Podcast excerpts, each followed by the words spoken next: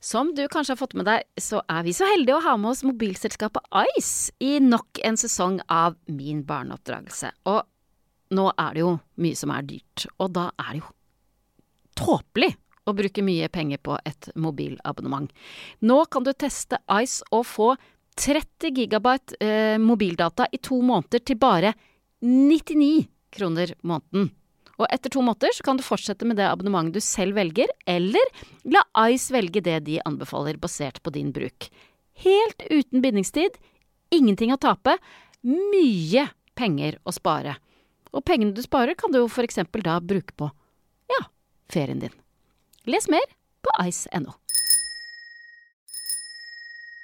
Ukas annonsør er butikkjeden Ekstra. Grillsesongen nærmer seg. Hurra!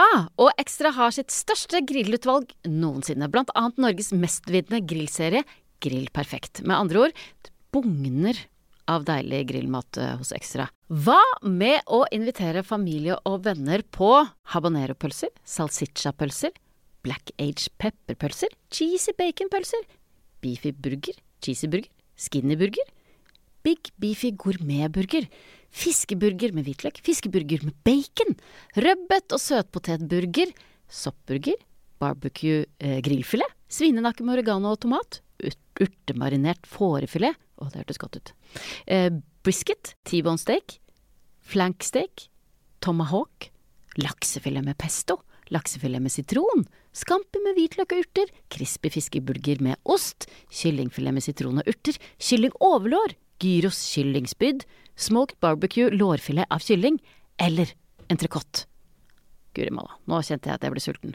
Og jeg antar at det samme gjelder for deg. Stikk innom Ekstra og finn din grillfavoritt. Bon appétit! Hei, jeg heter Solveig Kloppen. Velkommen til Min barneoppdragelse, podkasten der jeg undersøker det store og evig aktuelle temaet oppdragelse. Jeg er også nysgjerrig på gjestene mine sin oppvekst, for hvordan du er som oppdrager, henger ofte sammen med hvordan du har blitt oppdratt.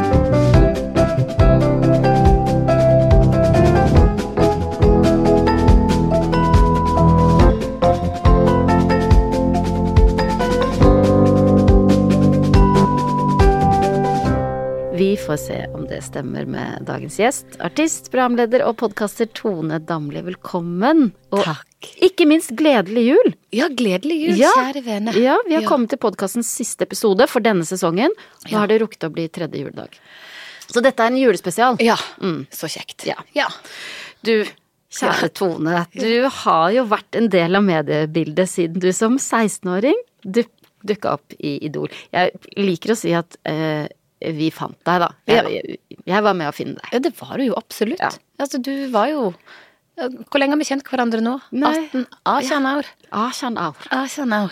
Hæ, Ja. Tenk på det. Ja. Jeg husker deg veldig godt. Du gjorde eh, eh, et sterkt inntrykk på oss alle. Du kom inn og var så eh, eh, Du var så frisk, liksom. Så koselig. Ja. Ja. Ja. Jeg var ung, vet du. ja ung og modig og utrolig sjarmerende og veldig sånn Her kommer et eh, et, et, et, et sunt vestlandsmenneske. Det er veldig hyggelig at du sier det. Jeg skulle ønske at det fantes noen opptak fra Idol-tiden, men det er jo ikke digitalisert, så jeg får ikke sett dette her på nytt. Det skal vi prøve å finne til deg. Ja, vi må Ja, jo det, for ja. det hadde faktisk vært artig å se. Mm. Mm. Eh, ja, og siden det så har du jo blitt en av Norges kjæreste, kjæreste artister, eh, og du var sist å se på skjermen i Stjernekamp. Eh, kom på en solid fjerdeplass. Ja. Fikk vist ganske mange sider av deg selv som du ikke har vist på lenge. Ja, Mm. rett og slett. Jeg er veldig, veldig fornøyd. Hatt en spennende, krevende og morsom høst, vil jeg si. Eh, og hadde vært kjekt å vinne dere for en gangs skyld, men veldig fornøyd med en fjerdeplass. Ja, det syns jeg en skal være. Jeg tror ikke man skal, det det er ikke alltid det er gøyest å vinne. Nei, nei, nei, nei. nei. Og så er du eh, aktuell med podkasten Råning med Tone. Ja, den rusla og går, vet du. Ja, den rusler og går. Fem sesonger nå, hvem skulle tro? Hæ? Hvem skulle tro? Gøy. Ok, eh, du er oppvokst i Sogndal. Starta blant annet å jobbe på faren din sitt gartneri som seksåring. Vi skal snakke mer om din oppvekst, men aller først så skal vi få en grundigere forståelse av hvordan du er som mor. Ja. Eh, Jeg skal gi deg noen oppdikta foreldrescenarioer med en liten julevri, som kan si noe om akkurat det. Ja. Er du klar? Ja. Barnet ditt er 15 år, skal på juleball. Du hører klirrelyder fra veska hennes før hun drar. Mm. Hva gjør du? Åh, hva gjør jeg? Fordi eh, du sa 15 år. Mm. Ja. eh, Jeg er jo fra bygda. Ja. Så det er jo klart at jeg begynte jo litt før det. Nei, det der er vanskelig. Altså, jeg har jo nå en datter på ni og et halvt, eh, så dette her er jo liksom Det er ikke så altfor lenge til Mm. Nei, det, er, ikke- det kommer før du aner det, på en Ja. måte. Jeg eh, skjønner jo at de etter hvert skal begynne å utforske. Mm. Og at dette her er en del av det. Hvis jeg hadde hørt de klirrelydene, så hadde jeg definitivt tatt tak i det. Det er ikke sikkert at jeg hadde nekta eh, at, de, sk- at hun skulle få prøvd en sider, kanskje. Mhm. Men jeg hadde jo hatt det Jeg hadde hatt det bedre med å vite at dette her skulle skje, Ja, ja. på en måte. Ja. Og hva hadde du sagt til henne? Nei, hva hadde jeg sagt? Jeg hadde vel eh, spurt litt om tankene for kvelden. Hva- Mhm. hva, er, hva ser vi for oss her? Mm. Ehm, å gud, så vanskelig! Mm. Jeg hadde jo Jeg hadde latt henne gå. Eh, kanskje jeg hadde bedt om en kommunikasjon i løpet av kvelden. Ja. En dag så vil du antagelig oppleve dette. her. ja. Og jeg prøver jo å tenke tilbake på meg sjøl. Ja, Hvor gammel var du da det klirra i din pose eller veske? Det veit jeg ikke om eh, det er så lurt å si. Ingen av barna dine hører på denne podkasten. Nei, jeg var ung, veit du. Mm. Jeg var ung. Det er derfor vi liker deg. Barnet ditt er 17, stupforelska og vil feire jul hos kjæresten sin i Spania. Hvordan reagerer du?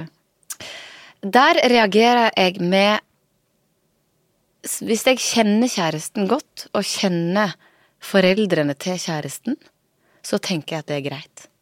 Ja. Jeg har jo f- Jeg flytta hjemmefra da jeg var 16. Ja, du, da, måtte du, da reiste du til Sandane Ja. i Sogn Eh. og Fjordane. Ti Og jeg- mil unna Sogndal. Ja, og har jo hatt eh, kjærester, liksom. Eh, og har hatt foreldre som har vært veldig fine på det. Så det tenker jeg at eh, så lenge hun eller han eh, er ryddige, så sier jeg kjør på. Ja. Ja. Spania eller Sandane spiller ingen rolle. Nei, men jeg er jo opptatt av å vite at eh, ting er ordentlig, liksom. Men eh, ja. Barnet ditt er to og nekter å ta på seg klær før et juleselskap. Dere har eh, dårlig tid. Hva gjør du? Da blir det tvangspåkledning. Ja. Eh, Men eh, nei, veit du hva som skjer da? Nei. Da tar Markus over. Ja. ja. For jeg blir svett, og dette her er jo en situasjon jeg møter ofte. Ja, for nå har du jo ikke sant, Billy på ni og, og Marlon på tre. Ja. Eh, senest i dag tidlig hadde jeg den greia der. Da var jeg riktignok aleine. Eh, I starten gir jeg han litt tid Mhm. til å liksom komme frivillig. Eh, innimellom så går jeg òg for å kjøpe han ut av situasjonen. Hvordan, hva, hva Nei, for eksempel eh, hvis du kommer og kler på deg nå, så skal vi høre på eh, favorittsangen din i bilen. Ja. Ja, litt sånn lokkemiddel. Hva er favorittsangen? Det er min venn Marlon, din eh, hva er det? Min dust. Ja. Din dust, do-do-do-doming. Ja. Ja, det er din favorittsang òg, så det er en slags belønning til deg òg. ja. Men, men går du andre veien nå? Kan du true? ja. Ja. 100 Hvilke trusler har eh, Nei, det må jo være eh, litt sånn Det kan gå på skjermtid. Ja, Men så er det jo ikke alltid jeg er like god til å holde av truslene heller, ikke sant? Mm. det er ganske gjengs. Ja, så noen dager er jeg god mamma, liksom, og pedagogisk og alt mulig, og noen dager er jeg helt håpløs. Ja, og- Helt forferdelig. Og hvordan lever du med det? Lever greit med det, fordi jeg skjønner at det er ikke alle kamper en kan ta. Mm. Noen dager har en mer overskudd, andre dager ikke. For hva, hva er det For du blir eh, Du kaver, liksom. Du blir svett. Ja. Mens Markus Nei, han Han blir jo ikke stressa i en eneste situasjon. aldri. Nei da. Nei, nei, nei. Men han eh, tar jo gjerne litt sånn Bare sett han ned der. Ja. Han bare gjør det. Ja. Mens jeg, hvis, hvis Marlon da begynner å sprelle og sånn, så blir jeg litt svak. Da blir jeg sånn Åh! Jeg må bare gå, da! Altså, jeg gir litt opp. Ja, jeg syns ikke det er noe morsomt. Jeg skulle bare ønske at han hørte på meg. Ja, kan du ikke bare gjøre det, da? Ja. Ja, helt, ja. Barnet ditt er ti og kjempeskuffa for å ha fått sjokoladekalender og ikke pakkekalender. Hva gjør du? Lager du en ny kalender i siste liten?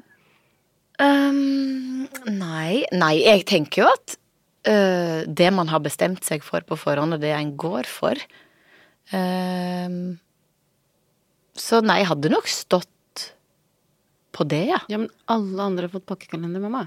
ja Er ikke du glad i oss, eller? Ja, men jeg skjønner ikke hvorfor man ikke har prata om dette på forhånd. Nei. Eh, tenker jeg. Vi har jo prata om pakkekalender, eller altså kalendere Ja, for hva slags kalender gikk dere for i ja, det? Nei, vi har begge deler. Nettopp. Å ja. Men det skal sies at den sjokoladekalenderen, den skal vekk til neste år. hvorfor? Nei, fordi eh, Marlon og Billy har jo fått denne Kinder-kalenderen. Ja.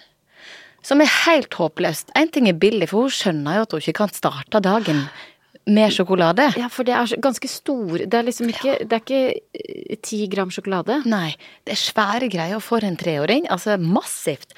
Og han blir jo altså så illsint hvis han ikke får åpna denne her før frokost. Og når han da har smelt i seg den, så vil han iallfall ikke ha frokost. Ah. Hva, hvordan løser dere det, da? Nei, eh, det har blitt sjokolade til frokost.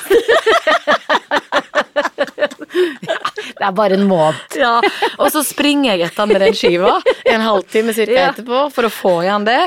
Eh, nei da, så jeg svetta meg gjennom dagen, jeg. Å, faen meg. Men, og den pakkekalenderen, eh, hva er det i de pakkene? Det skal sies at hvis jeg hadde styrt løpet fullstendig, Mm. så hadde jeg kanskje gjort det sånn at Marlon og Billy hadde annenhver dag med pakke. Men det er farmor som er Mm. Å, ja. altså en Livsfarlig. helt. De er livsfarlige. Sant? Og hun er jo verdens beste farmor. Hun ordna pakkekalender til ni barnebarn, tror jeg. Du tuller. Nei. Eh, så dette er liksom ikke Det er ikke i min regi i det hele tatt, og sånn har det vært nå i ni år. da. Ja. Og da tenker jeg at da er vi jo så heldige at Ja, ja. hun gjør det. eh, Og da får Og det hun har sikkert masse glede av det. ja, det tror jeg. Mm. Så derfor så har jeg bare liksom lagt det litt fra meg, egentlig. Ja. At, eh, Men er det da strømpebukser og, og, Ja. og, og klistremerker? Ja. I, ja. ja, ja. rett og slett. Ja. I dag var det en jojo og noen flakslodd til Marlon fikk flakslodd. Ja. Ok, barnet ditt er 14 og inn- ønsker å synge solo på skolens store juleavslutning. Mm. Du vet at barnet ditt ikke kan synge. Hva gjør du? Jeg tenker at hvis lysten er der, Mm. og at en faktisk tør det, Mhm. så kjør på, Ja. tenker jeg. Ja. Eh, og så finner en jo på et eller annet tidspunkt ut at kanskje ikke det er den veien en skal gå. Ja. Men jeg tenker at Og så tenker jeg eh, Det er ikke så farlig. Nei. Nei, men det kan jo hende at ø, andre barn sier sånn «Nei, Du kan ikke Det var ikke så fint. Ja, men den tiden så Ja. jeg, tenker jeg. En lærer av det òg. Hva, når fant du ut at du faktisk kunne synge? Nei, det er litt eh, Jeg veit ikke, men jeg begynte på, altså på sang på musikkskolen da jeg var ni. Om jeg da var flink å synge, det veit jeg ikke. Var det du selv som hadde lyst til å Ja, begynne på Ja. det var meg Ja. sjøl. Og så sang jeg jo på alle juleavslutninger og på ja, eh, der en jo kunne få opptre. Jeg har Alltid likt det. Om jeg var flink, jeg veit ikke. Men det, det kom seg nå etter hvert. på et eller annet vis. Jeg tror ikke jeg var noe talent eller noe sånt. Men Og ja. Tale og Are, dine søsken, sang de òg? Nei, jeg gjorde ikke det. Tale begynte på klarinett, eh, slutta. Begynte Mm. på piano, slutta. Så nei, det er egentlig bare jeg. Mamma sang i kor, og pappa spiller i korps. Men utenom det Korps er vi jo glad i, så glad i. Ja, elsker korps. Ja, veldig glad i det. Elsker korps. Ja. Nei, så jeg tenker jo at eh, en trenger jo ikke alltid å være så flink. Billy går på piano nå. Mm. Jeg begynner å bli eh, f- flink, liksom. Men det er jo ikke derfor jeg har lyst til at hun skal Ble gå det der. ikke korps på Billy? Nei. Nei. Det er ikke for seint, Tone. Jo. Du veit, Solveig, at jeg har hata å gå i korps. Å, korps er så fint. Gikk der i åtte år og hata. Du gikk i åtte år Ja. og hata Hva var det du hata med korps? Du spilte kornett? Nei, tverrfløyte. Tverrfløyte, ja. Ja. Du og jeg Ja, spilte ikke tverrfløyte. sant? Mm. Nei, jeg bare syns det var litt flaut, rett og slett. Og jeg, sto, jeg marsjerte jo alltid fremst, ikke sant. Og ikke var noe god heller. Nei. Og så var det ingen i klassen min som gikk der. Nei. Eh, og så krasja det med fotballen, som jeg egentlig hadde lyst til å drive med. Som jeg òg drev med, men eh, nei.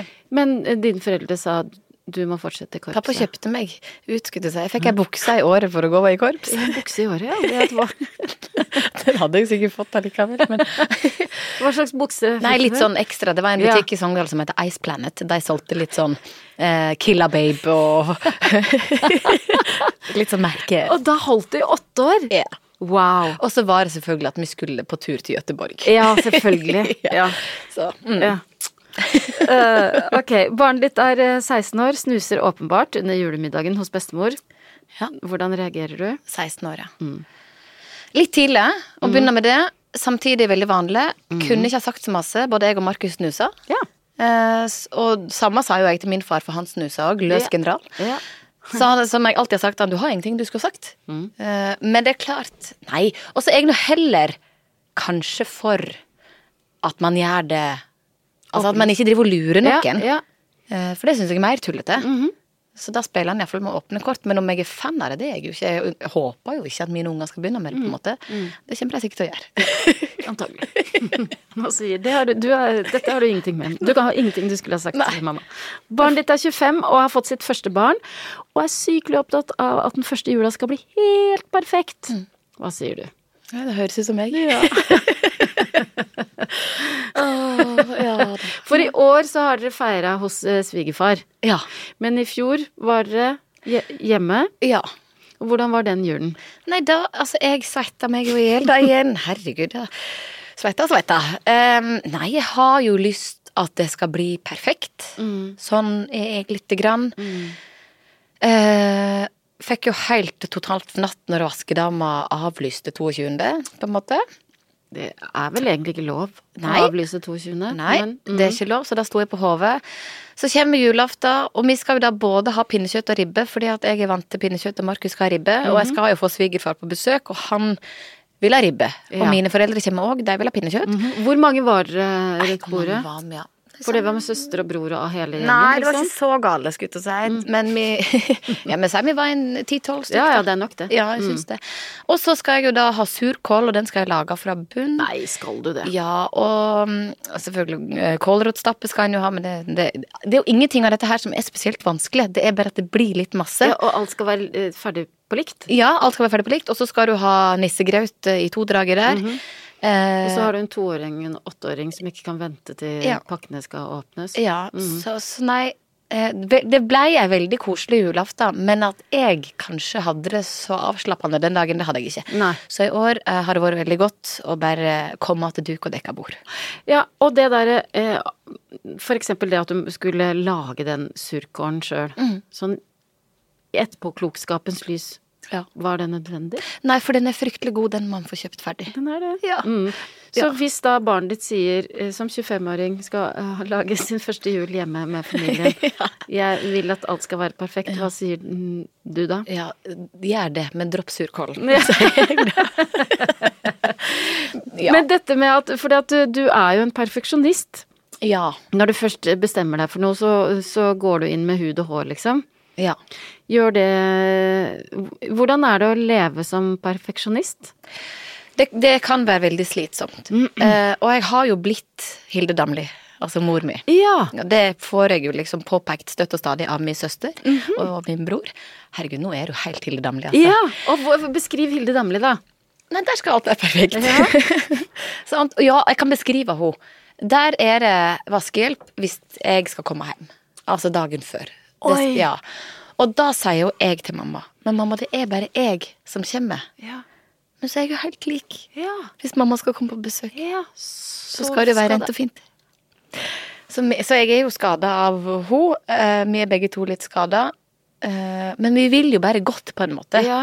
Eh, men at det er litt unødvendig, det tror jeg. Ja, og hvordan er det å leve med en som er perfeksjonist? Eh, For pappa sin del tror jeg det er slitsomt. For Markus sin del så tror jeg ikke han er veldig veldig prega av det, fordi han òg liker at det er i orden, Mm, at ting er liksom. på stell. Mm. Ja. Eh, Det er jo bare at kanskje vi mødre får den største jobben på et eller annet vis. Da kan du ikke se på meg, for sånn er det ikke hjemme hos Nei, sant? jeg ser på deg, men du har det annerledes. Men det er fordi jeg tar den rollen. Mm. Ja. Eh, sant? Det er jeg som tar klesvasken fordi at det har jeg sagt at jeg kan gjøre. mhm. Eh, samtidig så klager jeg litt når Markus spør om han har noen rene boksere. Ja. Eh, nei, så, så jeg har nok liksom eh, lagt mye på meg sjøl Ja. som er litt unødvendig. ja. Men Og vil du ha det sånn, eller? Mhm. På en måte, ja, for jeg trives jo litt i det òg. Det er bare at innimellom blir det for mye. Og at jeg av og til skulle ønske at jeg kunne ha ro i kroppen uten at det var perfekt. Men jeg blir litt stressa hvis det ikke er det. Ok, eh, ja men du, da, da skal, tror jeg vi skal liksom eh, dra til Sogndal ja, og oppveksten din. Ja. Eh, du er da, ikke sant, vokst opp med mor og far. Eh, far dre, dere har drevet gartneri. Jo, m- moren din er ungdomsskolelærer. Ja. Faren din eh, har- driver fortsatt gartneri, selv Ja. om han begynner å nærme seg 70. Ja. Eh, Are, ti år eldre. Mm. Og eh, Tale, 17 måneder eldre enn deg. Mm. Litt av en gjeng. Litt av en gjeng. Ehm, hva husker du best fra dine første år i Sogndal? Jeg husker eh, at det var trygt. Ja. Det er jo små kår. Mm, Alle kjenner alle. Em, jeg var aktiv. ja. Hadde en Det var fint å vokse opp i Sogndal. ja. Ja. Trygt og godt. Ikke for lite? Jo, det begynte å melde seg liksom kanskje etter hvert. Ja. At, eh, at jeg kjente at jeg ønska meg noe større. Ja. Men som liten, veldig perfekt. Kan sykle til alt. eh, alt veldig tilgjengelig. Og ganske greit med tilbud, liksom. ja. Ehm, så nei, jeg kunne nok ikke ha bedt om en bedre plass å vokse opp på. Mm. Og, og bortsett fra å være aktiv, hvordan var du som barn? Nei, jeg var jo pliktoppfyllende. Ja. Eh, dreiv med veldig masse. ja. Ehm, Fotball, korps, Fotball. piano. nei, ikke piano. Nei. Eh, fotball, korps, håndball, sang. Eh, ja, og gjerne flere håndballag. på en måte, Ja, altså sånn. ja, ja, det, ja. det var ehm, Det var ikke mye hjemme, tror jeg. Nei. nei.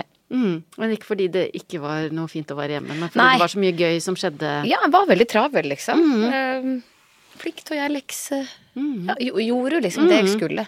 Vil du du tenke at dine foreldre så på deg som et enkeltbarn, liksom? Ja, Ja. jeg tror egentlig det. Jeg eh, er jo yngst. Um, og ganske Altså, jeg har jo alltid òg vært konfliktsky. ja. Så jeg, har, jeg er nok ikke den som har laga mest trøbbel, tror jeg, da. Mhm. Jeg eh, innbiller meg at jeg var ganske ok. Men, men eh, og hvordan, hva slags forhold hadde du og søsknene dine? Mm, Are, Are er jo da ti år eldre enn meg, så han er jo på en måte for stor til at vi har et veldig nært forhold. Ja. Eh, samtidig syns jeg han var verdens kuleste. Ja. Han gikk jo på yrkesskolen. eh, hadde bil fra jeg var liksom da åtte, ikke sant. Jeg elska å sitte på med han og råne rundt. Eh, Tale, 17 måneder eldre. Jeg var vel sikkert hun litt irriterende veslesøstera som alltid skulle bli med. Hun fikk piercing i navlen da hun var 14. Da skulle jeg ha det, jeg var bare 12. Men det er klart at jeg skulle ha det. Fikk du det? Ja da. Mm. Jeg Greia var at Tale hadde gjort det sjøl, og da ble mamma sånn nei, nei, nei, du kan jo ikke gjøre det sjøl, Mm. Nei. så da måtte hun ta om etter en sånn piercingsalong, og da kom jo jeg på slep, da. Det er klart at jeg skulle ha det. Det var nok litt sånn tidlig ute med veldig masse. Eh, mamma har vært ei god mor, altså, Ja. bare så hvis noen skulle Ja, tvile ja, ja. på det. Og hva slags forhold har du til Are og Tale i dag? Tale er jo ja, en av mine aller nærmeste. Ja. Vi er jo bestevenner, men, men, men som søskenbestevenner, liksom. Vi trenger ikke å dele alt, men vi deler mye. Are er veldig Altså, vi vil Hva skal jeg si Vi er ikke nære i den forstand at vi henger masse i lag, men har det veldig hyggelig når vi er i lag. Ja. Og eh, hvordan var foreldrene dine? Hva slags oppdragere var de? Mamma og pappa var eh, strenge, men rause, Ja. vil jeg kalle dem. ja. Eh, klare retningslinjer. Eh, Hvilke retningslinjer hadde dere? Nei, blant annet liksom at skole er viktig, og at det kommer først. Eh, innetid Ja. har man jo alltid hatt. Men jeg er jo en av de som har fått lov til veldig masse, men med regler, på en måte. ja, for eksempel. For eksempel det å begynne å gå på fest, da. Ja. ja, du får lov til det, men jeg kommer og henter deg Ja. da og da. Ja. Ikke snakk om å sove hos ei venninne, for de er jo ikke født i går, på en måte. Mhm. Så de vil gjerne ha kontroll over situasjonen, men du får lov. Ja. Så får vi se om du klarer å deale med det, på en måte. Og, selvfølgelig- Og Mhm. gjorde du det da? Innimellom gikk man på trynet. Ja. Men, men det med at man òg får lov, så får du ikke lyst til egentlig å bryte eh, avtalen Mhm. heller. Fordi du skjønner at du da kanskje ikke får lov neste gang. Mhm. Så det var bare til å drikke veldig, veldig fort. og bli fort edru igjen. ja, nei, så, så mm, Og ikke minst så har vi hatt eh, åpent hus. Altså Ja. et hus der alle har vært velkomne til enhver tid. Mamma har stått og laga lasagne til en hel gjeng av folk. Um, når vi begynte å bli store nok til å ha fest, så fikk vi lov til det. Mamma lagde nattmat. Ja. Ehm, så jeg vil jo si Altså, jeg syns det har vært Nå når jeg er mor sjøl og skal Ja. oppleve ungdomstid etter hvert, så syns jeg ikke de har vært Jeg syns de har vært ganske smarte. Ja, kommer egentlig. du til å være like smart? Jeg håper, jeg håper Ja. det, altså. At, eh, at Billy har lyst til å ha med seg folk hjem fordi at eh, vi har en trygg og god og åpen hjem, da. Ja. Ja. Og kommer du til å la henne gå på fest når hun er 14, men komme og hente henne? Ja. Nei. Nei. Nei, det er jeg ikke klar for. Nei. Vi får se. Tenker du av og til nei, kanskje vi bare skulle ha flytta til Sogndal, liksom? Sånn sett så hadde kanskje det vært smart. Men nei, de festa jo der òg. Ja, de gjør det. Jeg tror bare vi må være på pucken, liksom. Mm. Vi må følge med og eh, Ja, kjøre og hente og være på Mm. Snakke plass. med andre foreldre. Ja. Hva slags, hva slags juletradisjoner hadde dere hjemme? Vi har alltid feira bare oss fem. Ja. Eh, som jeg syns har vært skikkelig, skikkelig koselig. Vi har pynta ju- Hvorfor ble det sånn? Nei, egentlig bare fordi Og det her er jeg litt fan av. Fordi sånn som Markus, da, han har skilte foreldre, og så er det mine foreldre. At man, man har så mange å forholde seg til, og hvor skal man feire jul? Eh, på et eller annet punkt så tenker jeg at man er voksen nok til å bare skape sine egne tradisjoner. Og det tror jeg var det mamma og pappa gjorde. sånn Men dette her er sånn vi har lyst til å gjøre det. Ja. Og, og vi koser oss med det. Forhold dere til det. Ja. Det er bare sånn jeg tenker, og, og det liker jeg lite grann. Og hvordan så jula ut? Eh, pynta juletre dagen før. Den tradisjonen har jeg ikke tatt med meg videre. For du pynter allerede 1. desember, eller? Jeg pynta siste helga i november i Det er år. ikke lov, egentlig. Det er egentlig ikke lov. Men jeg vet ikke Ungene syns det er så koselig. Og så er det noe med at det treet står og gir litt lys Mm. liksom hele desember. Jeg syns det er noe veldig fint med det. Ehm, så sånn har vi gjort det. Ja. Nei, og så har jo jeg spilt i korps, da, ikke sant? så det har jo vært julegudstjeneste klokka to. Ja. Så spilte pappa på den klokka fire. og når vi da kom hjem, Mm. ehm, da lukta det pinnekjøtt. Ja. Og mamma hadde lagt på juledukene. Og jeg så at hun hadde litt svetteperler i panna, men da begynte roen å liksom senke seg. ja. Og det var deilig. Ja, og så er det nok med å være så få, ehm, så får en jo ei rolig aften, Mm. liksom. Sp- Var det sånn at dere sp- først spiste middag, så skulle man vaske opp Ja. og spise dessert og alt det før gavene mm, Nei, altså vi ehm, eh, pinnekjøtt først, mamma oppvask. Så tok vi nok multekremen litt etter hvert. Ja, for da var jeg for rastløs. Jeg har alltid vært glad i gaver, vet du. Men det skulle vaskes opp før, man, eh, før nissen kom, liksom. Ja, og der er jeg jo enig med mamma. Enig. Ja. Jeg husker at jeg hata det, samtidig Ja. som jeg elsket det, Ja. liksom. Ja. Åh, Ja. strekke det litt, litt til. Ja, ja, ja. ja, ja. Nei, så sånn må det være. Så sånn Mm. Ja. blir det sånn. Ja. Det har jeg tatt med meg. Ja. Har dere nisse, forresten? Ja, vi har nisse. Eh, Men vi har gjort det sånn at nissen kommer gjerne sånn i tretiden Ja. på dagen. Og ha med et par gaver? Ja, fordi ehm, det kan være fint å fordele disse gledene litt ut. Og man kjenner jo, altså unger, og spesielt de små treåringene, de får ikke sett på det de får før de skal videre til neste. Så da kan man eh, porsjonere det litt ut. Vi tar innimellom en, dag, en gave første dag òg, vi. Ja. Ja. Eh, har, du, har dere kjent på det derre Den haugen med gaver som barna får? ja. Har dere gjort noe med det?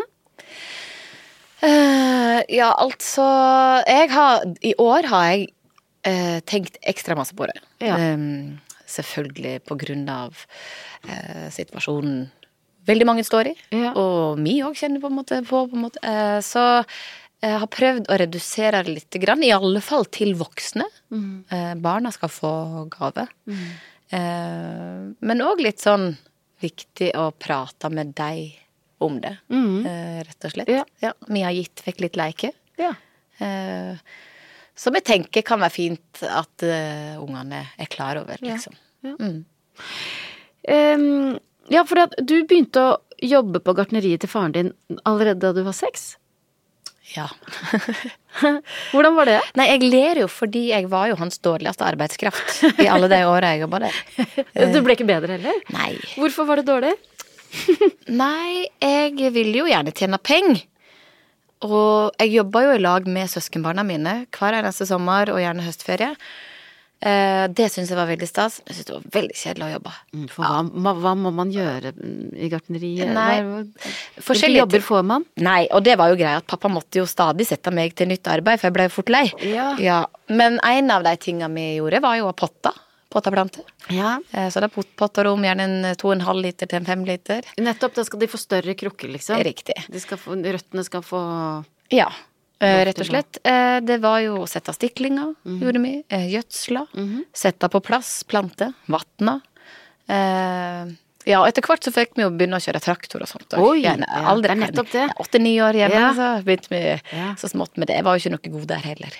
Krasja innimellom. Ja, men du kan det. Kan- eh, Litt For du, grann. du er ganske sånn tøff i bunn. Ja.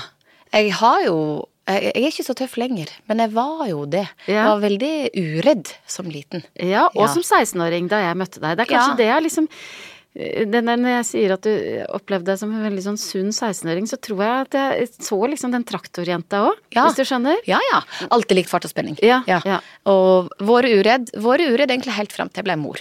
Ja. Ja. For da var s- Da Da begynte jeg å bli redd for livet. Ja. Eh, Både ditt eget og barnas. ja, veldig. Drømte jo, altså i starten av Billy sitt liv, drømte at hun eh, datt ned trappa, at jeg mista henne ned, liksom fra vinduet fem etasjer ned. Eh, drømte at hun var puta med at jeg lå på henne, at, jeg, eh, at jeg liksom kvelte henne. Eh, helt eh, grusomt. Og så har jeg jo på en måte tatt med meg det litt altså jeg, jeg er redd for å dø, og jeg er redd for at barna mine Ja. skal dø, rett og slett. Ja. Ehm, Og polstrer du barna dine? Er de, eh, har de alltid hjelm og knebeskyttere, liksom? ja. Mm. ja, men så har du Markus på andre sida, da, som er på en måte Han er jo gassen, liksom. Ja. Så kall han gassen og meg bremsen, da. Ja. Ehm, og- og han er jo ikke redd for en ting i livet. Så han, kan- han dytter jo deg utfor slalåmbakken, bokstavelig talt. Og løper du det etter, eller ser du en annen vei? Jeg ser en annen vei. Ja. Fordi jeg veit at han har kontroll. Ja. Eh, Han er kjappere enn deg på ski, så han tar deg igjen, Ja. på en måte. Nei, så jeg tror nok det er veldig godt at, at jeg har han, fordi han, han får pusha deg Mm. lite grann. Og så kan jeg heller eh, eh, være hun forsiktige, Mm. som heller litt tilbake. Men da du jobba i gartneriet, da, fikk du lønn? Ja ja, fikk Mm. lønn ja, i tidlig alder. Eh, og så fikk vi eh, vi fikk litt mer lønn for hvert år som gikk, dess eldre vi ble. Ja. ja. Og hva tror du den der jobbinga der har gitt deg? Den tror jeg faktisk har gitt meg masse. Og, altså, om så jeg var en dårlig arbeidskraft, så har han Den har ikke gitt faren din så mye, men eh, Kanskje mer en belastning, faktisk. Eh, Men den har jo, de har jo tidlig lært meg at en må jobbe Ja. eh, for pengene. Ja. Eh, Og at jeg har en ganske god Jeg er ganske god på å jobbe, og jeg liker Ja. å jobbe. Du Selv om er jeg kanskje arbeidsom. Ja, jeg er det. Eh, og det koster ikke meg så masse å jobbe, og det kan selvfølgelig være noe fordi at jeg i voksen alder har fått en jobb som jeg koser meg fryktelig Mhm. med, men kjenner jo på at jeg blir sliten jeg òg, men jeg liker det. Ja, det er ja. ly- lystbetont arbeid. det er en gave. Ja, det er det faktisk. Ehm, og jeg hadde jo òg veldig veldig tidlig hjemme arbeidsoppgave, liksom. Hva var det? Eh, nei, i forhold til Jeg hadde ei liste hengende på kjøleskapet med vaska badet. eh, 40 kroner, for eksempel. Eh, Gå ut med søpla. Altså at vi tidlig liksom fikk arbeidsoppgave og eh, ja, tjente små kroner, liksom. Og hvordan er det nå hjemme hos dere? Ha sånn lista på Bilja, faktisk. Ja. Men hun er enda ikke så opptatt av penger. Nei. Eh, Så det er for så vidt fint. Men nå er det jo Vipps og bankkort Ja da, og sånt ja. i tidlig alder. Men, eh, men det syns jeg er en fin greie, og ikke minst at de òg lærer seg å hjelpe til. Mm. Eh, og hun er, der har hun kanskje arva veldig systematisk. Ja. Ja. Som sin mor og mormor. ja. ja. Men sånn at du tenker oi, uh, Ehm, nei, sånn at jeg tenker bra. Ja. Mm. Jobba jenta mi. Fordi at eh, jeg tenker jo at det er mange fordeler med å være ryddig òg. At du eh, man kan få et enklere liv av det. Ja, jeg tror det, altså. Og det er ikke bare det å ha det ryddig i klesskapet, men eh, ha Mm. system, liksom. Det kan gjelde lekser eller Betale regninger i tide ja, etter hvert. Mm. slike ting, liksom. Og, og for min del er det jo det å ha system rundt meg, så får jeg òg system i hodet. Ja. Ja, rett og slett. Kan du allerede merke at hun har god arbeidsmoral, liksom? Har, eh, har hun arva det, eller Ja. at dere har gitt henne det? Ja. Mm. Merker det jo. f- Flink til å gjøre lekser. Ja. Sette seg ned med det. i- Begynner å komme i en alder der det begynner å bli litt sånn ah, lekser. Men Ja. når hun først setter seg ned, så gjør hun det ordentlig. Eh, ja, jeg tenker at eh, it's quite good. Mhm. Ja. Ja.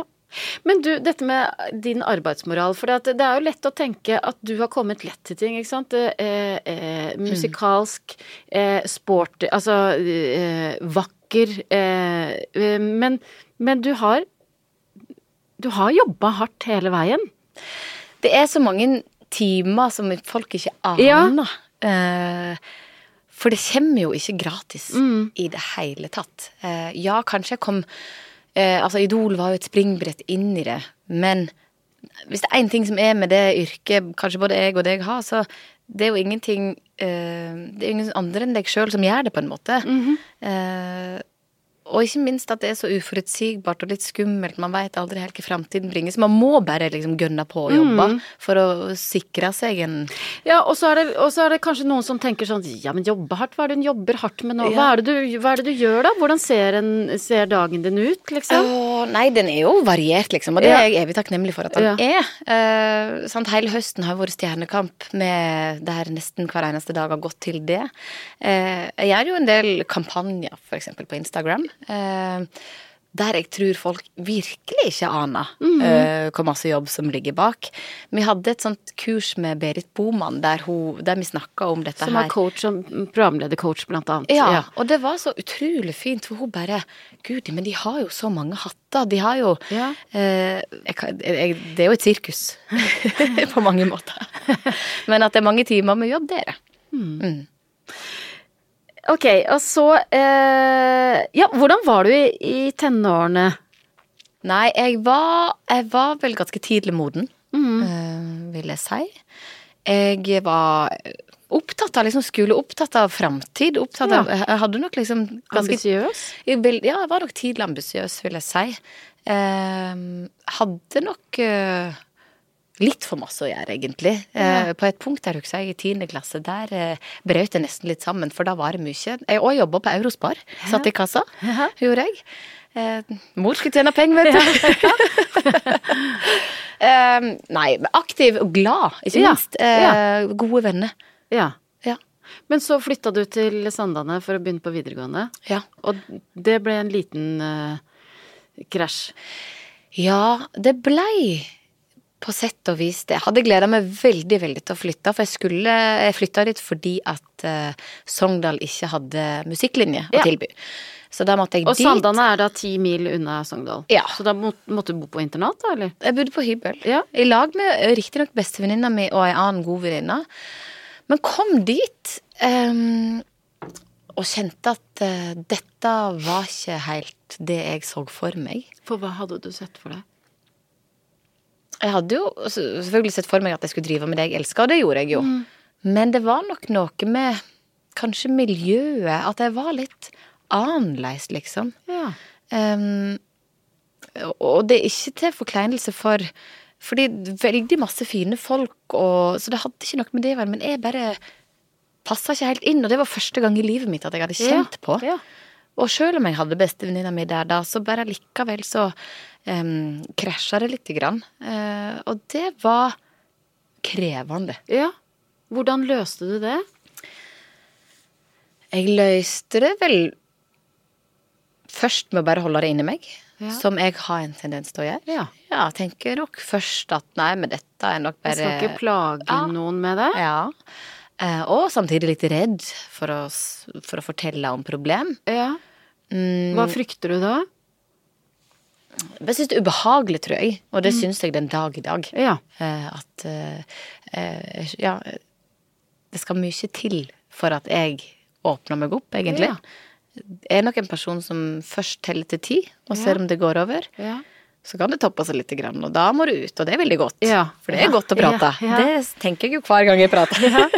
Em, Ehm, Nei, så merka jeg at det blei jo ikke bedre i det hele tatt. Eh, sleit med å ta opp telefonen til mamma og pappa, så jeg satt med det og skrev brev hjem til dem. Kan du huske hva du skrev i de brevene? Nei, jeg husker faktisk ikke helt hva Men det var et relativt langt brev eh, der jeg eh, bydde på noen såre følelser. Som jeg, også sikkert, jeg tror, vil tro nesten kom litt bardust på mamma og pappa. Ja. Fordi jeg var jo et menneske, eller ei jente, som hadde hatt det veldig bra, liksom. Ja, ja. Og lett, på sett og vis. Eh, og der plutselig eh, møter jeg på en ny situasjon.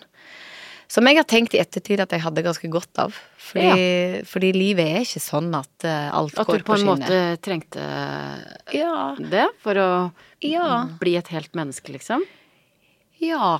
Jeg tenker jo at en lærer mye av, eh, av slikt. Ja. eh, Så lenge en selvfølgelig kommer seg på banen igjen, da. Og det gjorde jeg jo relativt Ja, fort. for hvordan, eh, hvordan møtte dine foreldre deg? Nei, veldig fint. Og jeg skal også si at jeg hadde en fantastisk klasse, klasseforstander eh, på Sandane som eh, tok meg ut i samtale, eh, skjønte m- min situasjon og gjorde at jeg fikk da reise hjem til Sogndal en gang i veka. Hver Ja. onsdag så fikk jeg reise hjem og ha heimeskole. Ja. Og der sto nå mamma og pappa med åpne armer, som de alltid har gjort. liksom, Tatt imot eh, ungene sine eh, ja, alltid på godt og vondt.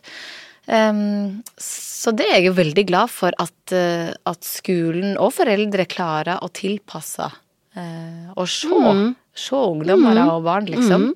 Eh, og selvfølgelig, da- da- da må jo også barn gjerne være åpne, men eh, det blei veldig fint. Så da hadde jeg jo plutselig bare fire dager i veka jeg gikk Ja. på skole der oppe. Og hvordan var de fire dagene da? De var, de var fine, de, Ja. altså. Det, det gikk greit. Men det var godt å få det der avbrekket. Ja. Ehm, Men hjemme hos dere, har det vært Har man snakka mye om følelser? nei. Nei. Nei. Har ikke det. Mm-mm. Men det vil si, altså sånn Nei, vi har ikke prata mye om følelser. Eh, pappa kan ha vært en sånn som har prata om seg sjøl i ungdomstiden og fortalt historier og sånne ting. Men har nok aldri vært helt på innsida, eh, på en måte. Så jeg husker, jeg har sittet mange ganger i armkroken til pappa og grene fordi jeg har hatt kjærlighetssorg. Så sånn sett, det har vært det har vært de beste, men Men nei, ikke liksom de djupeste følelser. Det- Har du savna det? Nei, egentlig ikke, altså. Og nå f- gjenstår det å se hvordan mor jeg blir for Billy òg, da. Ja. Eh, selv om jeg sier at jeg har lyst til at Billy skal, eh, og Marlon, da, eh, fortelle meg alt, liksom. Så er ikke det sikkert det er sånn det kommer til å bli. Nei. Det kan hende at, det, kan hende at eh, vi bare er ikke sånn, liksom. Og så har man òg venner til sånt. Kanskje man har en annen rolle som foreldre. Selv om, altså jeg misforstår meg rett, for jeg kommer alltid til å være der for ungene mine. Og, men det er ikke sikkert at eh, alt trenger å prates om heller. Så lenge man har en eller annen plass å ventilere. Jeg veit ikke. For dager hvor du ikke har det så bra. For de fins i ditt liv òg. Ja. Eh, hender det at du sikker- sitter ved kjøkkenøya og gråter, liksom? ja, ja, ja. Jeg tyr jo veldig lett til tårer. Ja, det gjør du. Ja, jeg syns det er godt å grine. Jeg er ikke noe redd for det. Og det syns jeg er godt med å bli voksen. er At jeg, jeg har skjønt at tårer er kjempefint. Mm. Og jeg griner masse når jeg ser på TV. Billy sitter og rister på hodet. og- Jeg kan se på Norske Talenter, da, og bare Å, herregud. Og Billy bare Å, gud, mamma. Men, eh, men jeg har følelsene på utsida. Jeg syns det er godt. Eh, Og tårer er nok liksom et språk for meg òg. Mm. Ja, ja. Mens eh, det å være høylytt, kan du være høylytt òg? Eh, Nei. Nei. Nei, det sliter jeg med. Mm. Synes det, det skjønner jeg egentlig ikke at folk må være. Må, må man være høylytt? Skrike, liksom? Nei, det- for noen, noen av oss, så er jo det på en en måte å ventilere på, da. Kan du, er du høylytt? Mm. Hæ? Mhm. Du som er så Mild Ja. god. Ja! Og Du det, kan det skrike skulle jeg ganske høyt. Mm. Å, det hadde jeg nesten likt å høre. Det er sånn passe sjarmerende. men du, men eh, eh, for eh, hvordan krangler dere hjemme hos dere? Altså nå tenker jeg på med Markus og barna og dere fire. Nei, altså Markus, han Han kan på en måte si ifra med ei høylytt stemme. Ikke så masse til meg, fordi vi krangler jo veldig lite. eh, Mhm. Men, men til ungene, liksom, som sier klart og bestemt ifra. Men hvis jeg en gang gjør det, så skvetter altså ungene så Mhm. ja, voldsomt. For da er det alvor. Da er det alvor. Ja, det er det nesten. Hvor ofte skjer det? Nei, det skjer ikke så ofte. Det er klart at jeg kan bli oppheta, spesielt kanskje med Marlon, og så er det litt krevende. Ja. Da kan det bli sånn nei, men nå orker Ja, jeg ikke ja, mer. men det er noe annet. Ja, det er noe Ja, Mm. annet. Men hvis jeg smeller i bordet, da er det nesten så tårene deres spretter, liksom. Og Fordi- hva, ja, hva er det som kan gjøre deg så rasende? Nei, Det er vel bare hvis det liksom koker over, hvis det blir for mye, og jeg blir motarbeida, Ja, hvis du liksom. blir trøkka Ja. Eh, Sant? Det- Og det kan jo gjerne da være at det er en dag som fyller seg opp med for mange ting som ikke klaffer. At enten at maten ikke feller i smak, eller at den nekter å gjøre lekser, eller at klærne ikke skal på. Det er jo på en måte s- en sånn sum jeg kanskje sprekker litt av. Ja, så har du telt til ti ganske mange ganger i løpet av Ja. en dag, og til slutt så Ja. kommer du ikke lenger enn til fem, liksom. Ja, det er egentlig det. Og stort sett så jeg har ikke så mye annet å skrike for. Nei. Heldigvis enda. Eh, Men altså, da, eh, som 16-åring så eh, drar du til Bergen Ja, Mhm. og møter opp på Idol-audition. tenk det. Det er jeg glad for. Ja, Ja. det er jeg glad for òg. Eh, og hvordan var det, hvordan var det for deg? Det var en gledens dag. Sto jo i mange, mange timer i kø. Sju timer tror jeg sto i kø. Eh, og hadde ikke noen spesielle forhåpninger eller forventninger om å gå videre. Og det tror jeg kanskje har vært min fordel, iallfall tidlig i karrieren, at jeg har liksom ikke turt å drømme for stort. Nei. Og vært litt sånn happy go lucky og ja ja, men vi får kose oss der vi er nå, og så tar det vel slutt en dag. Ja, har jeg ja, liksom egentlig ja. alltid tenkt, og så har det på en måte alltid gått eh, videre. Ja. Ehm, nei, og lite visste jeg at det der skulle være eh, ganske avgjørende for livet mitt videre, Ja. rett og slett. ja. Ja. Men det var jo et voldsomt trøkk. Ja. Eh, Det var jo sånn, altså, jeg vet ikke jeg, 1,5 millioner seere på finalen. Altså, det var jo helt vanvittig. Ja, du kjente jo på det, du òg. Ja, men på en helt annen måte. For Ja. det første så var jeg jo voksen, eh, og for det andre så var det jo dere som fikk oppmerksomheten. Ja. Ehm, hva var det Hvordan var det å f- plutselig få så mye oppmerksomhet? Nei, det var jo først og fremst veldig sprøtt. eh, og litt sånn uforståelig på et eller annet vis. eh, men jeg husker at jeg jo likte det. Ja. Husker første gang, da gikk jeg jo fortsatt på Sandane. Og det var på forsida av Dagbladet et eller annet sånn stort bilde av meg og sånn 'Disse ti har vi troa på', eller et eller annet sånt. Og jeg bare wow, shit, er jeg en av de? Eh, men jeg hadde jo en, en ydmyk tilnærming til det samtidig, tror jeg. Som sagt så hadde jeg jo aldri trodd at jeg skulle Nei. nå så langt. Og tror jeg egentlig aldri heller så på meg sjøl som så flink, på en måte. Men Nei. eh, eh, Og hvordan har har det vært i di- forhold til dine foreldre? Hvordan føltes det for dem å liksom eh, sende deg av gårde til Oslo? Nei, det har jeg tenkt masse på egentlig de seinere åra. At jeg var ganske ung. Ja, Altså, og da bodde dere jo på Bristol i mange, mange uker, ja, ikke sant? Gjorde det. Samtidig De hadde jo allerede slept meg, ikke sant? For jeg Ja. bodde jo på Sandane. eh, og de hadde nok allerede fått testa at jeg eh, var blitt litt voksen. Jeg hadde lært meg å ta vare på meg sjøl. Ja. Mhm. Og så er det noe med at når du får frie tøyler, så blir ikke det så spennende lenger. eh, og jeg var ei ganske fornuftig jente, vil Mhm. jeg si. Sånn, ja, festa og dreiv på, men eh, jeg hadde nok et fundament som var ganske greit. Mhm. Rampete, litt rampete, men ganske ordentlig. Og jeg er så glad for at jeg var litt rampete. Ja. Og det har jeg aldri tenkt å slutte med å være. Nei. Nei. Må være litt, litt Ja. rampete. Eh, Men så tenker jeg jo nå Ok, nå er jeg mor sjøl. Om jeg tør å slippe Billy eller Marlon når de er 17? Veldig usikker. Ja. Det kommer nok helt an på hvordan personer de er. Eh, Men det, det er ungt. Det er veldig, veldig ungt.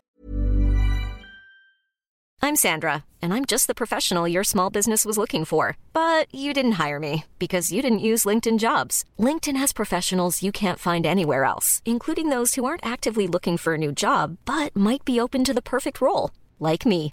In a given month, over 70% of LinkedIn users don't visit other leading job sites. So if you're not looking on LinkedIn, you'll miss out on great candidates like Sandra. Start hiring professionals like a professional. Post your free job on linkedin.com/people slash people today.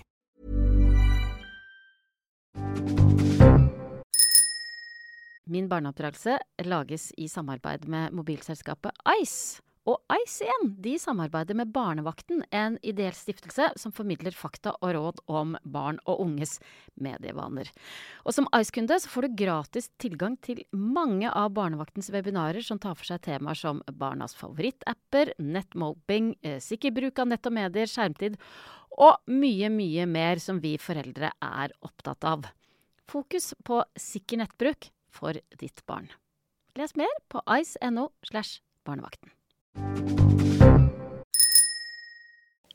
Men det å være født med et sånt talent som du er, da. Eh, eh, være et musikalsk talent, være et sangtalent. Ønsker du det for barna dine?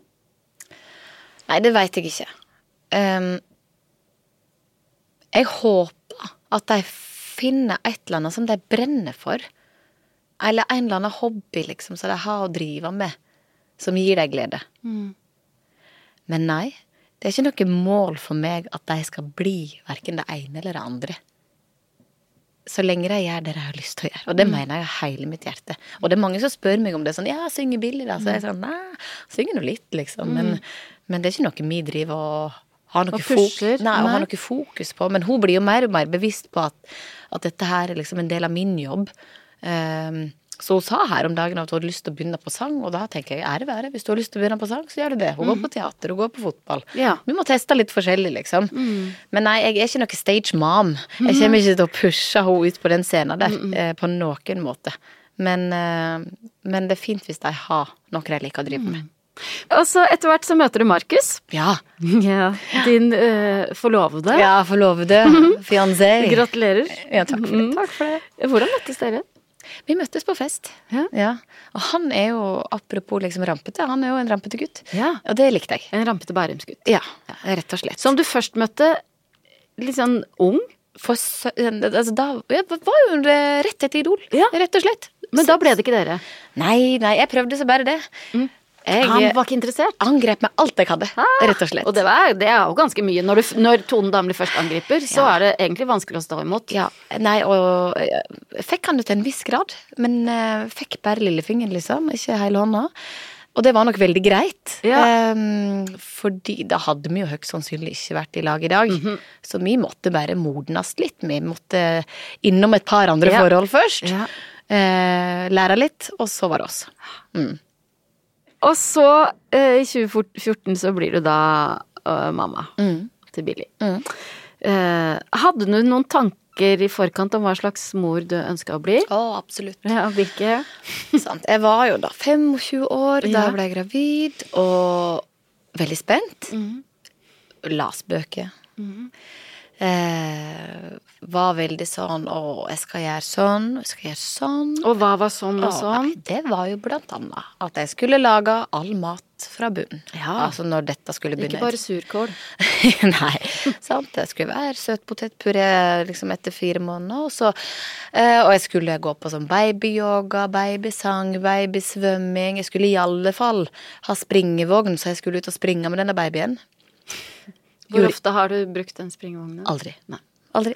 Ser du på den og tenker 'faen, der Ja. ja. Den, den vogna har blitt brukt. Den har stått i barnehagen, så ungene har sovet i den. Eh, jeg begynte jo å lage mm, søtpotetpuré. ja. Lagde masse, ikke sant. Skulle fryse den ned. Og så likte ikke hun det. Nei. Og da var jeg sånn Fuck det her. Dette Mm. gidder jeg ikke. Sant? Og så er man jo litt sliten og litt bakpå, liksom. Så da ble det Nestlé Ja. derfra. Ja, ikke fikk jeg til ammingen heller. Gjorde du ikke det? Nei, Så jeg skjønte jo brått at ok, du kan ha De beste foreldrene er jo de som ikke har barn. Ikke sant? Med oppdragelse, for de veit jo veldig godt hvordan det skal gjøres. Sånn er ikke det. Um, du veit ikke hvordan unger du får. Du veit ikke hvordan du sjøl blir. Eh, så nei, det, dette, jeg føler at det å være foreldre, det bare formes litt Underveis. underveis, ja. Og kanskje en skal bare prøve å være litt sånn fornøyd med det en faktisk får til. De kommer uten bruksanvisning, disse ungene. Eh, Dessverre. Dessverre. Det hadde vært deilig med en liten lapp. vært- Men tenk, det er jo helt sånn sprøtt, egentlig. At du, du reiser liksom rett fra barsel. Altså, to, Altså, to det- dager, så er det bare sånn sayonara. eh, nå skal du ta vare på dette her. Jeg husker så godt Kjartan og jeg bar inn den derre eh, babystolen, altså Ja. bilstolen. Satte Albert på senga, og så bare så på hverandre, og så bare Hæ? Skal det ikke være noen v- voksne her, liksom? Er det oss nå, resten Ja. av livet hans? Ja. Eller ikke resten av livet hans, kanskje, men vi har han resten av livet, Oh, liksom. yes. ja, det er ganske skummelt. Ja. Og jeg sant, i starten så redd for nesten å ta i det, så Ah, ja. bitte små. Men så skjønner en jo at det går greit, og etter fem dager så er det vi som kjenner dette Så er barnet man best. ekspert og- ja. på eget barn. Ja. Men, men eh, hvordan var det å ikke få til amming? Det var en nedtur. Ja. Sånn ordentlig. Det gikk ganske dårlig på Billy. ehm, Tolv uker. Da Og da- prøv- du prøvde i tolv uker. Ja. Og delamma, ikke sant? Sånn, ehm, men når du delamming kan være ganske slitsomt, fordi at eh, ja, du skal bruke ganske masse tid på puppen, men så skal du òg bruke tid på morsmelkerstatningen. Så for meg ble det veldig kavete. Åh, ja. Og hva slags, hvilken følelse fikk du da? Jeg er skuffa, fordi jeg hadde så innmari lyst. Og, sant? og så er det noe med at alle sier at dette her skal man jo på en måte få til. Men så husker jeg jeg las en eh, artikkel eller et eller annet som Liven Elvik hadde skrevet om at eh, hun hadde tre flaskebarn. Og så vidt hun bekjent, så fikk de utdannelse, de òg. Ja, det går greit. Og da var jeg sånn, ok, Ja. det, det går bra. Og så, ikke minst, eh, så la jeg jo ut dette her på Instagram at, eh, at jeg eh, hadde blitt ei flaskemamma. Og fikk veldig veldig mye respons på det. For det er jo ganske mange der ute òg som ikke får det til. Og vi bor i Norge, liksom. Vi har rent vann, og det går bra, det. Eh, Hvordan ble du møtt på helsestasjonen? da? Nei, altså på barsel så er det jo veldig sånn Fokus på- Fokus på ja, amming, ja. og det skal man liksom få til. Men jeg setter veldig pris på all den hjelpa jeg fikk der, for Ja. det var ordentlig, ordentlig bra. Jeg var altså født på Bærum og eh, Ja, og hvis det funker, så er jo det det beste, selvfølgelig. Ja, ja, ja. Ikke sant. Og enkleste. ja. Ehm, men jeg syns nok at det er fint å få kommunisert at det er ikke for enhver pris, tenker jeg, da, at en skal få til den ammingen. Så når jeg da bestemte meg For det var, jeg bestemte meg en lørdag at nå kan jeg ikke gjøre dette her mer, for jeg sliter meg fullstendig ut, liksom.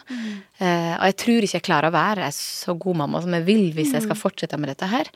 Så da tok jeg den avgjørelsen, eh, og blei altså ti kilo lettere. Det var så godt. Og plutselig så kunne Markus begynne å hjelpe litt mer til, og eh, Så for meg var det det eneste riktige. For hvordan var de første åtte ukene med Marlon? Eh, vanvittig krevende, fordi han var jo heller ikke fornøyd, ikke sant, når en, en liten baby ikke får nok mat og eh, ikke, Vi trodde jo først vi sjekka om det var tungebånd, ikke sant, om han ikke liksom klarte å ta av puppen godt nok. Eh, jeg var jo til sånn eh, kiropraktor med han, og man, man prøver jo alt. Man blir desperat. Ja, man blir helt desperat. Eh, nei, så for meg var det bare Fikk ikke det til. Og det Mhm. viste seg at det måtte bare være greit. Ja. Og så fikk jeg det så mye bedre. Jeg tu- tror jeg ble ei bedre mamma òg. Ja. Mhm. Og fikk eh, senka skuldrene litt, grann, for det er jo ganske viktig å prøve å klare. Ehm, og så eh, ble dere foreldre for andre gang, da, i 2020. Ja. Eh, da kom Marlon. Hvordan var det å bli sånn tobarnsmor? Utover det å ikke klare å amme. Det var jo et ønske. Mhm. eh, først og fremst så hadde gleda oss veldig til det. Men at det er stor forskjell på ett og to barn, ja. Det er det, Ja, syns jeg. ja. Det kan jo Altså, Billy var jo seks år når Marlon kom til verden, så mm, ganske stor. En del fordeler med det. Ja. For hun eh, har jo òg vært en ressurs. Har kunnet hjelpe til liksom fra, fra han var ganske liten. Samtidig så krever hun noe helt annet. ja. Og det at hun òg skal ha sin oppmerksomhet og må det, eller- altså fortjener det. De har veldig ulike behov og interesser, de to, da. Ja, veldig. Så det er vel det jeg har kjent mest på at sant? eh, Nå, i hvert fall sånn som ettermiddagene og kveldene er nå, da er det jo fullt kjør fra ettermiddagen. Man skal lage middag, hun skal på en eller annen aktivitet, han skal henge med, liksom. eh, Og han fortjener litt oppmerksomhet, kanskje ei bok og litt lesing. Og så legger han seg, og der er hennes lekse og kvalitetstid med henne. Så det er jo ikke mye igjen, på en måte. Og vi har bare to barn. Altså, folk har jo så masse unger. Men jeg eh, kjenner iallfall at to er krevende nok, på en måte. Har dere mye hjelp? Ja, vi er heldige, altså. Eh, Vi har eh, Mamma kommer støtt og stadig fra Sogndal hvis vi planlegger det sånn, og eh, hun elsker det. Og så har jeg eh, ei svigermor, altså mor til Markus, er en råtass. Hun med julekalenderen. Ja, der har du hun. Og da må jeg si hun eh, ble 70 år nå, jobber fortsatt i skolen Oi. med ok. første, til, Lærer hun også, ja. første til fjerdeklassinger. Allikevel så har hun overskudd til barnebarna sine. Ni stykk. Ja, og det syns jeg er så imponerende. Og da, da skal jeg en liten skrytetall her. Men hun er Kjære svigermor, hør nå. ja, kjære svigermor. Hun er en sånn som da gjerne tar ungene fredag til søndag, hvis det passer seg sånn, og vi skal noe. Da er ikke hun hjemme, nei. nei da, da skal hun på Risenga i svømmehallen. Du tuller. Med da en toåring og en åtteåring på det tidspunktet. Midt på svarte vinteren, liksom. Eh, det er alltid aktiviteter. Altså, hun er så sprek. Og da blir det sånn Det hadde ikke jeg gjort engang, på en måte, aleine med ungene. Kan du låne henne bort? Ja. Eller noe- Kanskje det, ja. Begynne å tjene litt penger på svigermor. Nei, nei, hun er rå. Helt rå. Ja, så man heldige dere er. Mm. Ja, veldig heldige. Som, og jeg vet jo at det er veldig mange som ikke har så masse hjelp. Blant annet min søster, da. eh, Som har sin familie i Sogndal, og Ja. hans familie òg på Vestlandet. Ja, hun har meg, men når hun er sosial, så er det gjerne med meg. Ja. Eh, Ja. Så, så jeg skjønner jo at vi er kjempeheldige, Ja. rett og slett. Ja. Da håper jeg svigermor hørte den eh, lille talen her. Eller at du er flink til å si det til henne Ja. sånn Mm. Ja. til vanlig òg. Vi prøver å, å formidle det, altså. Ok, ehm, jeg er jo nysgjerrig på hvilke valg du har tatt opp igjennom, eh, så nå har jeg forberedt noen spørsmål som kan si noe om det. Ja. Er du en mor som leker mye med barna dine? Nei. Nei. Hvorfor ikke? Eh, em, jeg er ikke så god på leiking. Nei. Jeg kan være god på spill, liksom. Altså em, yatzy eller sånne, sånne ting. Det liker jeg. Ja. Men å sitte med sånn togball og ja. sånn Kjeder du deg? Åh.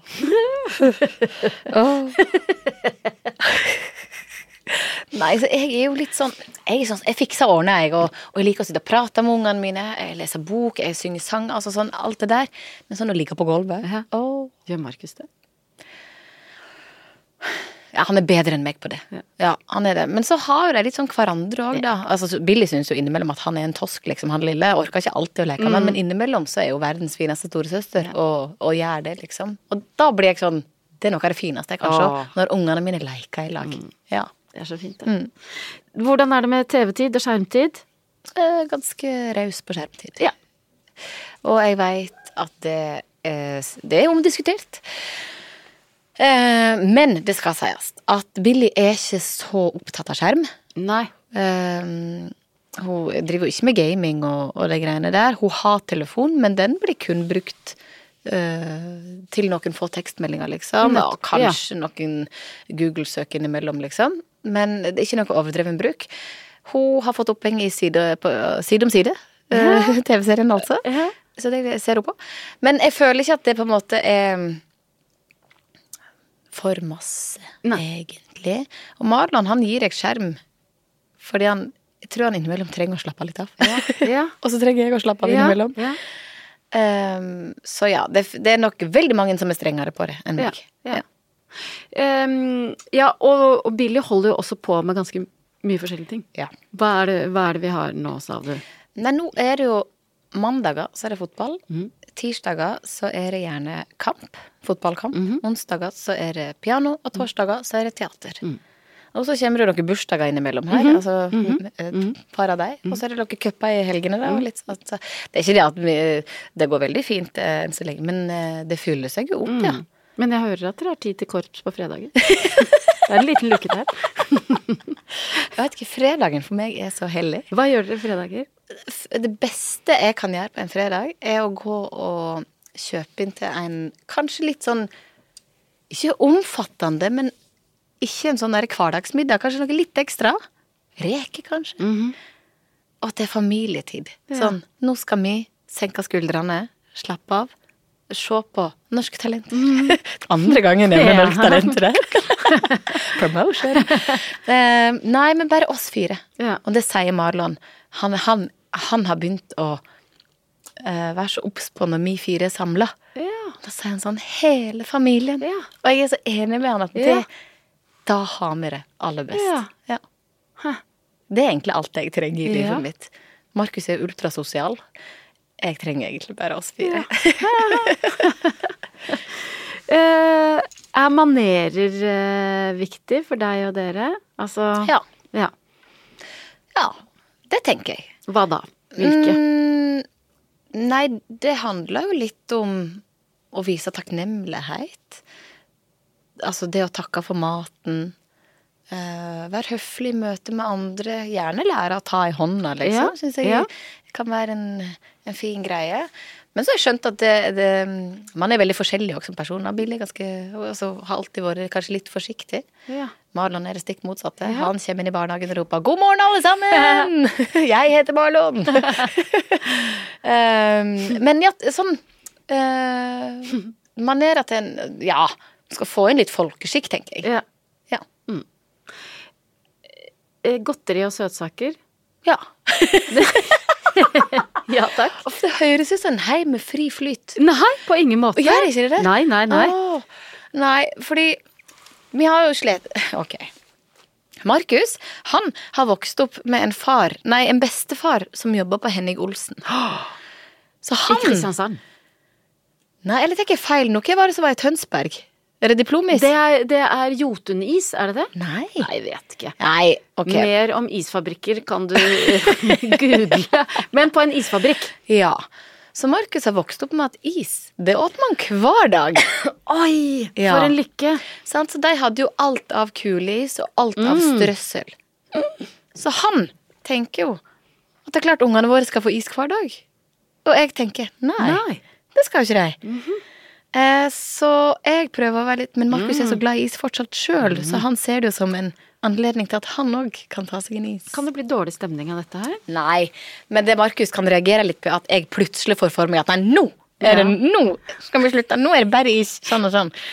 Um, og så har vi en fryser som er i perfekt høyde for Marlon. Altså sånn, det er eh, like høy som eh, kjøkkenbenken, liksom. Sånn liten fryser. Så han Går og henter seg. ja, altså, vi har jo I sommer drev vi og våkna opp til at han sto ved senga mi med en kronis og sa 'god morgen, mamma'.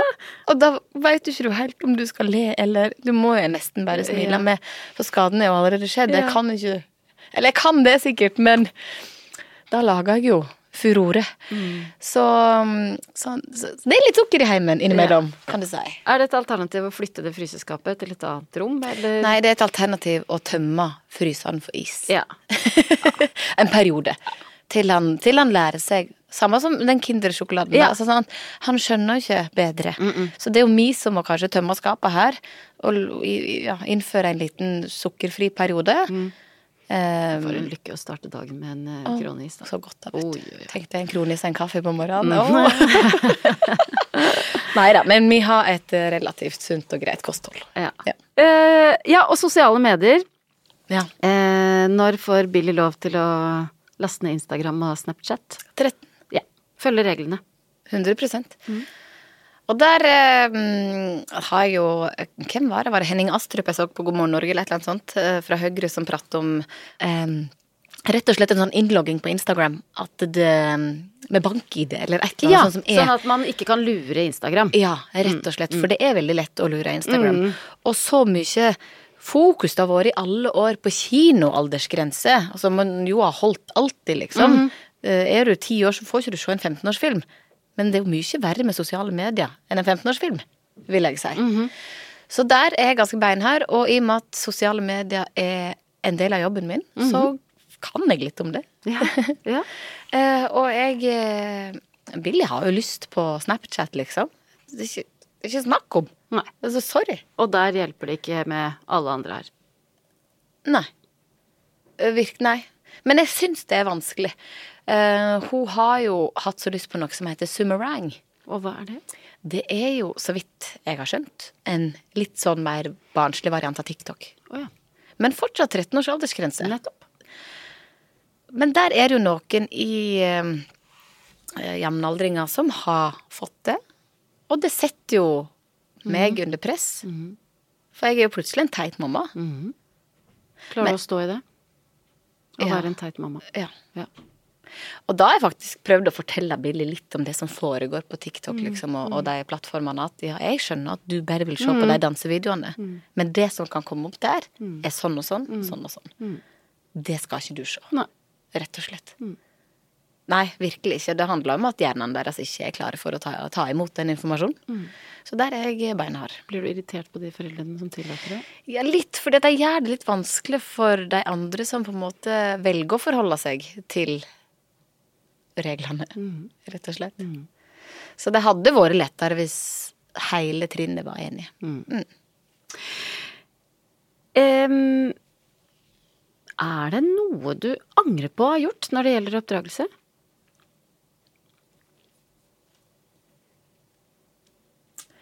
Mm, er det ja, det Bortsett fra den der eh, julekalenderen fylt med Kindersjokolade. Ja, den skal vi jo ikke gjenta. Nei, det er sikkert masse jeg skulle ha gjort annerledes, liksom. Ehm, jeg tror Nei. Ikke noe som plager deg nevneverdig, i Nei, hvert fall. nei tydeligvis ikke. Eh, nei. Hva føler du er det viktigste du kan gjøre som mor, da? Nei, det må nå være å skape trygghet, tror jeg. Det er viktig. Og at jeg Jeg blir jo veldig glad når jeg er på eh, sånn utviklingssamtale, og at, at jeg får høre at eh, ungen min funker i det sosiale og er empatisk. Da blir jeg sånn OK, det er hyggelig å høre. At jeg kan lage noen snille, greie folk, liksom. Eh, det må være et mål. Og så håper jeg, som jeg sa, at, at, at vi blir en sånn trygg sone at, at jeg har lyst til å ha med seg folk hjem. At vi kan være det åpne huset som jeg har vokst opp i sjøl, da. Og jeg veit Markus har vokst opp i. Så det får, vi, det får være et mål. Ok, Vi skal avslutte der vi starta. Jeg, igjen så gir jeg deg oppdikta scener fra et liv med barn, med en liten julevri. Ja. Og så svarer du hva du ville gjort. Barnet ditt er 15 år, har blitt veganer og forventer at du lager veganske alternativer til all julematen i år. Vegisterkaker, soyaribbe og veganske julekaker. Hva gjør du? Det gjør jeg. Ja. ja. Men det er fint hvis hun kan bidra litt sjøl, på en måte. Barnet ditt er 20 og på besøk hos dere i jula. Du finner en pose med noe hvitt pulver og merkelige piller blant tingene i gangen. Ja, hvordan reagerer du? Nei, Den, det hadde jeg jo angrepet, liksom. Eh, og Nei, jeg måtte ha konfrontert, ja. Og fått en viss klarhet i hva som foregår. For det er noe jeg har null toleranse for, liksom. Ja. Og det gleder jeg meg til å kunne si til Billy og Marlon. At jeg har aldri i hele mitt liv testa noe som helst. Og kanskje det på et eller annet vis kan være et slags forbilde. Ja. Og hva er grunnen til at du aldri har testa noe som helst av slikt noe? Eh, I oppveksten har ikke jeg fått noe tilbud om det heller. Nei. Og godt mulig jeg har vært naiv, men jeg har liksom ikke sett det rundt meg. Og heller aldri vært nysgjerrig på det og tenkt at jeg har det kult nok som det er. Mm. Ja, jeg drikker alkohol på fest, og det er mer enn nok for meg. Eh, så det andre dritet, det Nei, det skjønner jeg ikke at folk gidder. altså. Mm. Nei. Hvis du er på en fest og oppdager at noen holder på med det, hvordan reagerer du da? Nei, jeg har vært på en fest og oppdaga noe slikt, og har tatt det opp. Og det har blitt ganske dårlig mottatt, Ja, faktisk. ja. Så jeg har skjønt at det skal jeg ikke gjøre mer. Men da tror jeg nok heller jeg har lyst til å forlate festen, faktisk. Fordi jeg har ikke lyst til å være rundt det. Og sier du da eh, årsaken til at det går òg? Ja, 100 Ja. Ja, jeg, jeg tror de aller fleste rundt meg veit hvordan hvordan jeg stiller meg Ja, til det ja. der. Det får bare være. Barnet ditt er åtte og skriker høyt i butikken fordi du ikke vil kjøpe julegodt. Hva gjør du? Nei, jeg, nei, da tror jeg at jeg forlater handlekorga og røsker med meg ungen ut i bilen, rett og slett. Ja. Barnet ditt er tolv og vil gå med knæsj rød leppestift på skolen de siste ukene før jul. Tolv? Mm. No go. nei, og det husker jeg faktisk at jeg begynte så vidt å eksperimentere med sminke i sjuende klasse. Ja. Siste året på Da er barneskolen. han jo tolv. Ja. Og mamma blei så rasende. Ja. Og syns jeg Altså, og Ja, jeg, hva, hva sa hun da? jeg, hun- for jeg, jeg fikk klar beskjed om å gå og ta det av meg, for å si det sånn. Mm. Men så er det klart, ja, en skal få Etter hvert så sk- er det naturlig at en begynner å utforske meg litt, grann, men jeg hadde jo vært på klassetur til Bergen. og vært på Hennes Maurits og Mm. kjøpt brun krem. Ja, som er enda verre.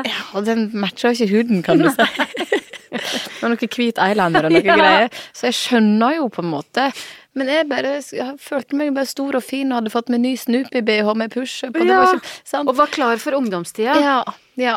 Så Når tillot, hun, tillot eh, Hilde Damli sminke. sminke? Nei, altså jeg tenker at når du begynner i åttende, så kanskje litt maskara. Mhm. Og en- kanskje en lipgloss. Og det fikk du lov til. Ja, da tror jeg kanskje at hun følte at jeg var stor nok. Men jeg tror jeg føler Men vi får se, liksom. Men Billy er jo der nå til meg. Hun spør jo meg mamma, hvor sminker du deg? Ja, Og, og, for det at du er ikke noe glad i å gå i sminke eh, uten sminke utenfor hjemmets fire vegger. nei. Jeg liker veldig godt å gå med sminke. Hvorfor har det blitt sånn, tror du? Nei, det er fordi at jeg har ikke lyst å møte folk på butikken, og så skal folk tenke 'Å, herregud, hva hun så ut i virkeligheten', da. Nei. For da tenker du at du skuffer folk? Ja, jeg har ikke lyst til å skuffe folk, så jeg er jo sikkert helt skada, liksom. Men eh, nei, så føler jeg meg sliten når jeg går uten Ja, sminke. ja. Føler meg daff, liksom. Så det hender at jeg til og med sminker meg på søndager, hvis jeg bare skal være hjemme. Hvis jeg føler meg sliten. Ja, bare så for å- hjelper det, det å ta på maskara og Ja, lipgloss. Ja. Da blir jeg liksom Da får jeg litt mer energi. Men når Billy da spør hvorfor, sminke, hvorfor må du sminke deg, mamma? Nei, og det syns jeg innimellom er vanskelig å Ja, svare det skjønner på. Ja, ehm, nei, jeg For det er ikke noe godt svar på det, egentlig. Nei, jeg pleier å si sånn Nei, men det er liksom Når du blir voksen, så hender det at man liksom gjør det, liksom. Og så sier jeg at Føler meg litt frisk med litt rouge. Ja, kan det. Men jeg har jo ikke noe godt svar på det. Nei. Med tanke på at jeg vil at hun skal synes at hun er vakker uten, liksom. Nei, så det blir vel ofte litt sånn svada-svar. Sånn der, nei, men det er bare sånn mamma Ja, liker. ja, ja, ja, ja. ja. Og så er det, den samtalen borte. På en Ja. måte. Men tror du ikke folk som møter deg på butikken uten sminke, hvis, hvis man en dag gjør det, tror du ikke de tenker 'Å, det var deilig, det', å se Tone Damli litt grann sliten? Sikkert. Kan du ikke prøve, kan du ikke øve deg lite grann? Ja. Det hender jeg går uten sminke på butikken hvis jeg, hvis jeg går på butikken rett etter jeg har levert i barnehagen. Fordi at jeg er jo en mor som ser Jeg er to veldig forskjellige personer når jeg leverer og henter. Ja. ja, for du leverer i barnehagen uten sminke. 100 Ja. Ja, gjerne uten truse og har ikke pussa tennene engang. Eh, Det er altså et syn. Og så, fordi jeg bruker å ta liksom mitt morgenstell dagen Nei, altså etterpå, for da kan jeg gjøre det i ro og mak. Ja, med det liksom en- skjønner Ja, for det er Og barna takler å se Tone Damli uten sminke. Altså barna i barnehagen. Ja, det går greit. Det går greit. Jeg satt faktisk på, et, på en sånn foreldresamtale en gang. Uten truse. Fordi, fordi jeg hadde selvfølgelig glemt at det var foreldresamtale. Jeg kom på morgenen. Men det er ikke bare T-sk- T-skjorte og sko. Du har, no, du har noe nedentil. For du føler ikke deg så kul Nei. når du sitter der uten truse. Og bare sånn, ja selvfølgelig var det foreldresamtale nå. Du var jo på ingen måte klar for det. Nei, altså det Det går ei kule varmt innimellom. Skulle bare visst. Ehm, du, hva er det du ønsker at Billy og Marlon skal ta med seg videre fra den oppdragelsen du gir dem? At det er ganske lett å være snill mot folk, liksom. Ja. Og man kan gjerne si at det å være snill er et kjedelig kompliment å få og gi, men det er kanskje noe av det fineste og letteste du kan være. Å, Ja. ja. Hæ, Ja. Så enkelt. Og hva er ditt beste råd til andre foreldre der ute? Oi. Nei, Der, der blir jeg litt sånn Hvem er jeg til å gi råd, på en måte? Eh, Mm. Du er en jeg spør, da. Akkurat nå. Ja. Nei, jeg vet ikke. Jeg tror kanskje for meg så er det det å være så, Som mamma og pappa, da. Streng, men raus, liksom. Ja. Fast, altså Ha noen retningslinjer og regler. Mm. Men samtidig være åpne for at det kan justeres, Mm. liksom, alt ettersom. Ja. Så må man bare se an barna sine, for de er forskjellige alle sammen. Det viser at de er det. Mhm. Kjære Tone, tusen takk for at du kom. Takk for meg. Veldig koselig. Nå er sk- nå er jeg faktisk litt sliten i magemusklene òg. Fikk jo ledd litt. og- Det er deilig. Og dette Eh, kjære venner, var sesongens siste episode av Min barneoppdragelse. Men frykt deg, vi ses igjen på den, eller vi høres igjen på nyåret. Da gleder jeg meg til å bli bedre kjent med oppdragerne Märtha Louise, Anne Lindmo, Henrik Fladseth, Fredrik Skavlan, Sofie og Elise og mange andre spennende gjester. Og du, ikke glem at det fins 19 episoder av Min barneoppdragelse i din spiller. Jeg kan anbefale f.eks. da episoden med Abu, Heiv- Eivind Hellstrøm, ja, Synnøve Skarbø, Tuva Fellmann Ja, veldig mange fine episoder. Må, det må være lov å si. Og hvis du mot formodning går lei temaet barneoppdragelse, ja, så vil jeg også slenge inn en anbefaling om podkasten Erotisk lesesirkel, der Gunhild Dahlberg og jeg hyller og radbrekker erotiske noveller vi finner på internett. Og der ligger det blant annet to julespesialer med Herborg Kråkvik og Emil Berntsen. Og du kan også høre gammel episode med Tone Damli. Mhm. Nå, nå med masse eh, Mm. Sjokolade pepperkaker- i munnen. sjokolade i munnen. Og så, eh, ja, så har du noe å lytte til eh, for eksempel på skitur i romjula, eller hvis du trenger et lite avbrekk mellom juleselskapene. Vi høres snart igjen. Ha en fortsatt fin romjul og godt nytt år! Min barneoppdragelse er laget av Lyder Produksjoner.